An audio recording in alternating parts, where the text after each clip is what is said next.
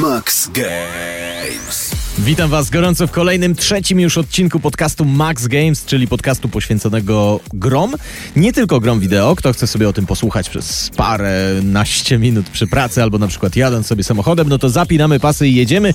Ponieważ wciąż jeszcze mamy początek miesiąca, no to zaczniemy sobie od przelecenia się po najciekawszych premierach maja, a jest kilka gier, na które naprawdę warto zwrócić uwagę, a po zapowiedziach jeszcze dwie recenzje. Mortal Kombat 11 i planszówki Zakazana Pustynia. Dobra, lecimy z tymi premierami po kolei i zaczynamy od już wydanego Rise of Industry, strategia ekonomiczna, w której wcielimy się w początkującego biznesmena, który ma stworzyć wielki koncern przemysłowy. Na oko to jest połączenie Industry Giant i Transport Tycoon z fajną, trochę oldschoolową grafiką. Wydaje mi się na pierwszy rzut oka, że to jest właśnie coś dla miłośników tych starych, dobrych strategii ekonomicznych jeszcze z lat e, 90. albo początku 2000, kiedy mechanika była najważniejsza. Jeszcze większy old school mamy w też już wydanej kilka dni temu Shakedown Hawaii, niezależnej grze trochę zbliżonej do pierwszego GTA, bo też dużo strzelania, dużo jazdy autem, otwarty świat i widok z góry, ale jednak z większym przymrużeniem oka. No i mocno pikselowa grafika. E, a co przed nami? W ten czwartek na sklepowych półkach pojawi się Yakuza Kiwami 2, czyli remake drugiej części serii Yakuza. Dokładnie ta sama historia na nowym silniku graficznym. Mówi się czasem o tej serii GTA po japońsku. To jest bardzo, bardzo duże przekłamanie, ale jakby szukać jakiejś analogii, to faktycznie byłoby najbliżej. Natomiast na najbliższy piątek czekają na pewno miłośnicy programu telewizyjnego Diesel Brothers, bo wychodzi oficjalna gra pod tym samym tytułem. Podobnie jak w telewizyjnym pierwowzorze, będziemy kupować stare auta, robić z nich perełki, no i sprzedawać drożej. I za to pieniądze kupować e, następne wraki. Nie wiem, czy troszkę nie będzie to monotonne, ale szczerze powiem, że jak oglądałem trailery, to zainteresował mnie ten tytuł. Wydaje mi się, e, że to może być jedna z tych gierek, które niby nic nie wnoszą, niby nie mają jakiejś bardzo rozbudowanej mechaniki, ale potrafią wciągnąć na długie godziny. Za to 14 maja, chyba najbardziej wyczekiwana premiera miesiąca, choć ja podchodzę do niej bardzo ostrożnie. Rage 2, czyli futurystyczna, postapokaliptyczna strzelanka w otwartym świecie, nastawiona na intensywność akcji, niekoniecznie na ciekawe misje i wkręcającą fabułę. No i stąd moja ostrożność. Boję się, że to będzie taka wydmuszka, ładnie wyglądająca, ale w sumie słabo wypełniona. Taka troszkę była pierwsza część Rage'a, wydana 8 lat temu i dlatego mnie nie przypadła osobiście do gustu, ale trzeba powiedzieć, że miała swoich miłośników i całkiem dobrze się sprzedała. No, zobaczymy, co nam twórcy tym razem zaserwują. A wracając jeszcze do remake'ów, 14 maja pojawi się też Sniper Elite V2 Remastered, e, czyli kultowa gra snajperska osadzona w czasach II wojny światowej, a właściwie tuż po jej zakończeniu. E, Dla tych, co chcieliby w to zagrać, ale archaiczna grafika trochę ich odstraszała, no to e, problem razem z remake'iem zniknie. Z kolei miłośnikom klasyki, których grafika nie odstrasza, wręcz przeciwnie, polecamy wychodzącą 16 maja Castlevania Collection, czyli 8 gier platformowych z kultowego cyklu Castlevania. To jest cykl takich no, platformówek dość rozbudowanych, w którym dzielnym rycerzem penetrujemy komnaty transylwańskiego zamku w Polsce. Najlepiej znany tym, którzy się załapali na Pegasusa e, i chyba na Amidze też to było popularne. E, a teraz o premierze gry planszowej, ale komputerowej 16 maja debiutuje Talisman Origins, czyli gra bazująca na planszówce Talisman, którą w Polsce znamy jako magiczny miecz. To był taki trochę RPG osadzony w świecie fantazy. Chodziliśmy sobie po mapie, zabijaliśmy różne stwory, zbieraliśmy ekwipunek. Pamiętacie to z dzieciństwa? Tęsknicie czasem, chcielibyście zagrać, ale no, nie macie z kim? No to Talisman Origins rozwiąże ten problem. To nie jest pierwsze cyfrowe wydanie Talismana, natomiast ta wersja skupia się na grze solowej i trochę pod tym kątem dostosowuje całą mechanikę gry. E, Tego samego dnia wychodzi też Green Planet, dodatek do rewelacyjnej strategii ekonomicznej, czy właściwie kolonizacyjnej Surviving Mars. Jak sama nazwa wskazuje, czerwoną planetę będziemy zmieniać w zieloną planetę za pomocą roślin, upraw, nowych budynków i narzędzi. A moim zdaniem Surviving Mars to jest jedna z najlepszych gier tego typu w ostatnich latach i trochę się dziwię, że w sumie wcale nie jest o niej tak głośno, jak moim zdaniem być powinno. Mam nadzieję, że ten dodatek będzie właśnie dobrą okazją, żeby o tym świetnym, a jeszcze teraz wzbogaconym tytule e, trochę się więcej mówiło. Lecimy dalej. 21 maja premiera niezależnego tytułu American Fugitive, e, w którym wcielamy się w uciekiniera z więzienia, który z jednej strony będzie chciał udowodnić swoją niewinność, a z drugiej jednak, będąc ściganym, będzie się musiał wkręcić w środowisko przestępcze, żeby przetrwać. E, Gra w otwartym świecie, widok z góry trochę się może kojarzyć z GTA 2, choć chyba jest bardziej rozbudowana. E, I American Fugitive też wam polecam gdzieś sobie tam zapisać, bo to może być jedna z z ciekawszych moim zdaniem premier tego miesiąca. Oczywiście jest to gra robiona za niewielkie pieniądze, więc pewnie nie będzie to gigantyczny hit, ale po zajawkach wydaje mi się, że e, no, to może być taki właśnie fajny powrót do przeszłości.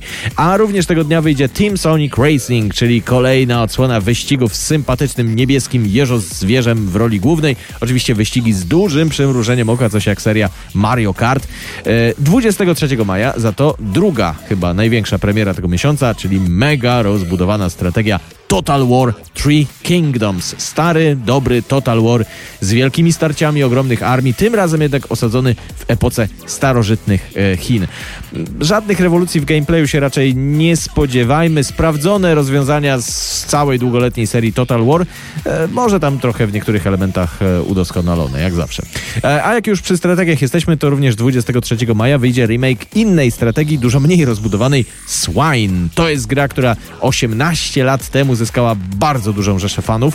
E, Państwo świń walczy w niej z państwem królików, ale nie myślcie, że bijemy się na łapki i kopytka, czy tam braciczki. O nie, nie, mamy czołgi, mamy transportery opancerzone, mamy artylerię. Całkiem fajny RTS, tylko w klimacie takim z przymrużeniem oka. Nie wiem, czy zyska sobie nowych miłośników, ale ci, którzy na początku wieku się w niego zagrywali, być może będą chcieli wrócić. No i jeszcze dwa tytuły. Na koniec 28 maja wychodzi polski horror Layers of Fear. E, jedynka może nie była mega hitem, ale zyskała sobie duże grono fanów. Zobaczymy, jak będzie z częścią drugą. Natomiast e, dzień później premiera bardzo zaawansowanej wyścigówki Assetto Corsa Competizione, czyli tak naprawdę e, drugiej części Assetto Corsa, przez wielu uważanej za najbardziej dopracowaną i realistyczną ścigałkę ever. Choć na pewno nie najłatwiejszą, no ale za to bardzo satysfakcjonującą. Wiem, co mówię, bo trochę czasu przy niej spędziłem. I na Competizione też już mocno zacieram ręce. Max Games. Dobra, zostawmy już zapowiedzi, sporo tego było, ale może wróćmy do gier już wydanych, bo jeszcze e, mam dla was dwie krótkie recenzje. Jedna to będzie gra wideo, druga gra planszowa, tak jak zapowiadałem. E, zacznijmy sobie od tytułu, na który miłośnicy bijatyk czekali z zapartym tchem Mortal Kombat 11.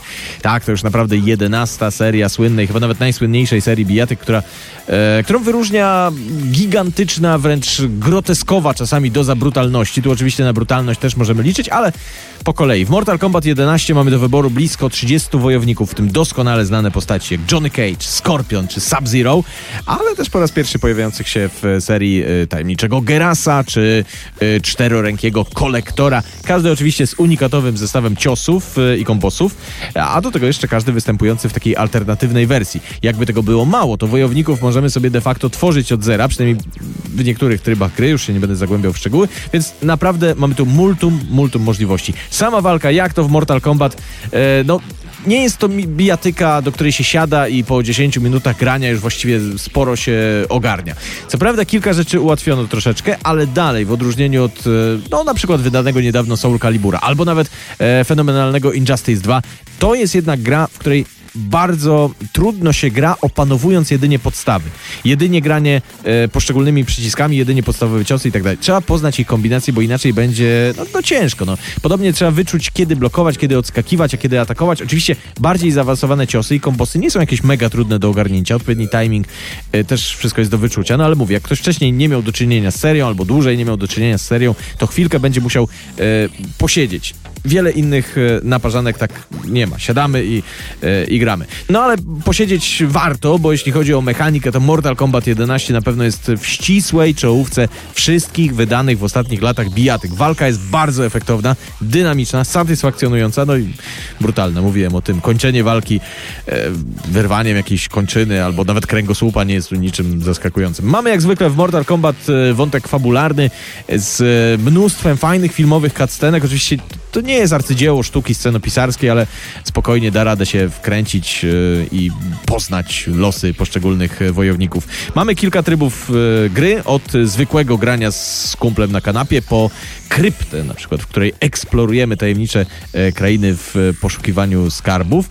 No i mamy wszechobecny grind, bo jeśli chcemy wszystko odblokować, dodatki, stroje, wszystkie areny, no to musimy je wykupić za uciłaną w grze walutę. A jeśli nie chce nam się godzinami tłuc wrogów, no to możemy sięgnąć po kartę kredytową. Nie jesteśmy zmuszeni do opłat, ale bardzo, bardzo, bardzo mocno zachęcani, e, co czasem bywa żenujące. Natomiast Jedna uwaga. Twórcy Mortal Kombat 11 wsłuchali się w narzekania i ograniczyli trochę ten grind. Zmieniono ekonomię gry, e, a też wszyscy, którzy wcześniej już grali, musieli się męczyć, dostali w ramach rekompensaty trochę wirtualnej waluty. Także owszem, koncepcja była zła i momentami żenująca, mocno zachęcająca do wyciągania karty z portfela, ale przynajmniej przyznano się do błędu, co ja y, osobiście bardzo szanuję. Graficznie y, nie mam się czego w Mortal Kombat 11 czepić. Naprawdę świetnie wyglądają postaci, a jeszcze lepiej areny, na których toczymy walki. Y, to zresztą nie jest niespodzianka, bo Mortal Kombat od zawsze, od pierwszej części tak naprawdę, czyli od czasów, które pamiętają pewnie najstarsi tylko z graczy, wyznaczał trendy graficzne w bijatykach. Chociaż tu nie chodzi tylko o samą grafikę i jej jakość, ale o szczegółowość e, projektów, na przykład aren właśnie, gdzie, gdzie różne drobiazgi, elementy mogą się okazać przydatne w walce. Jakiś fragment ściany, który można skruszyć i rzucić nim w przeciwnika, jakaś gałąź, która przyblokuje nam rywala. Takie znaczące e, detale, które cieszą.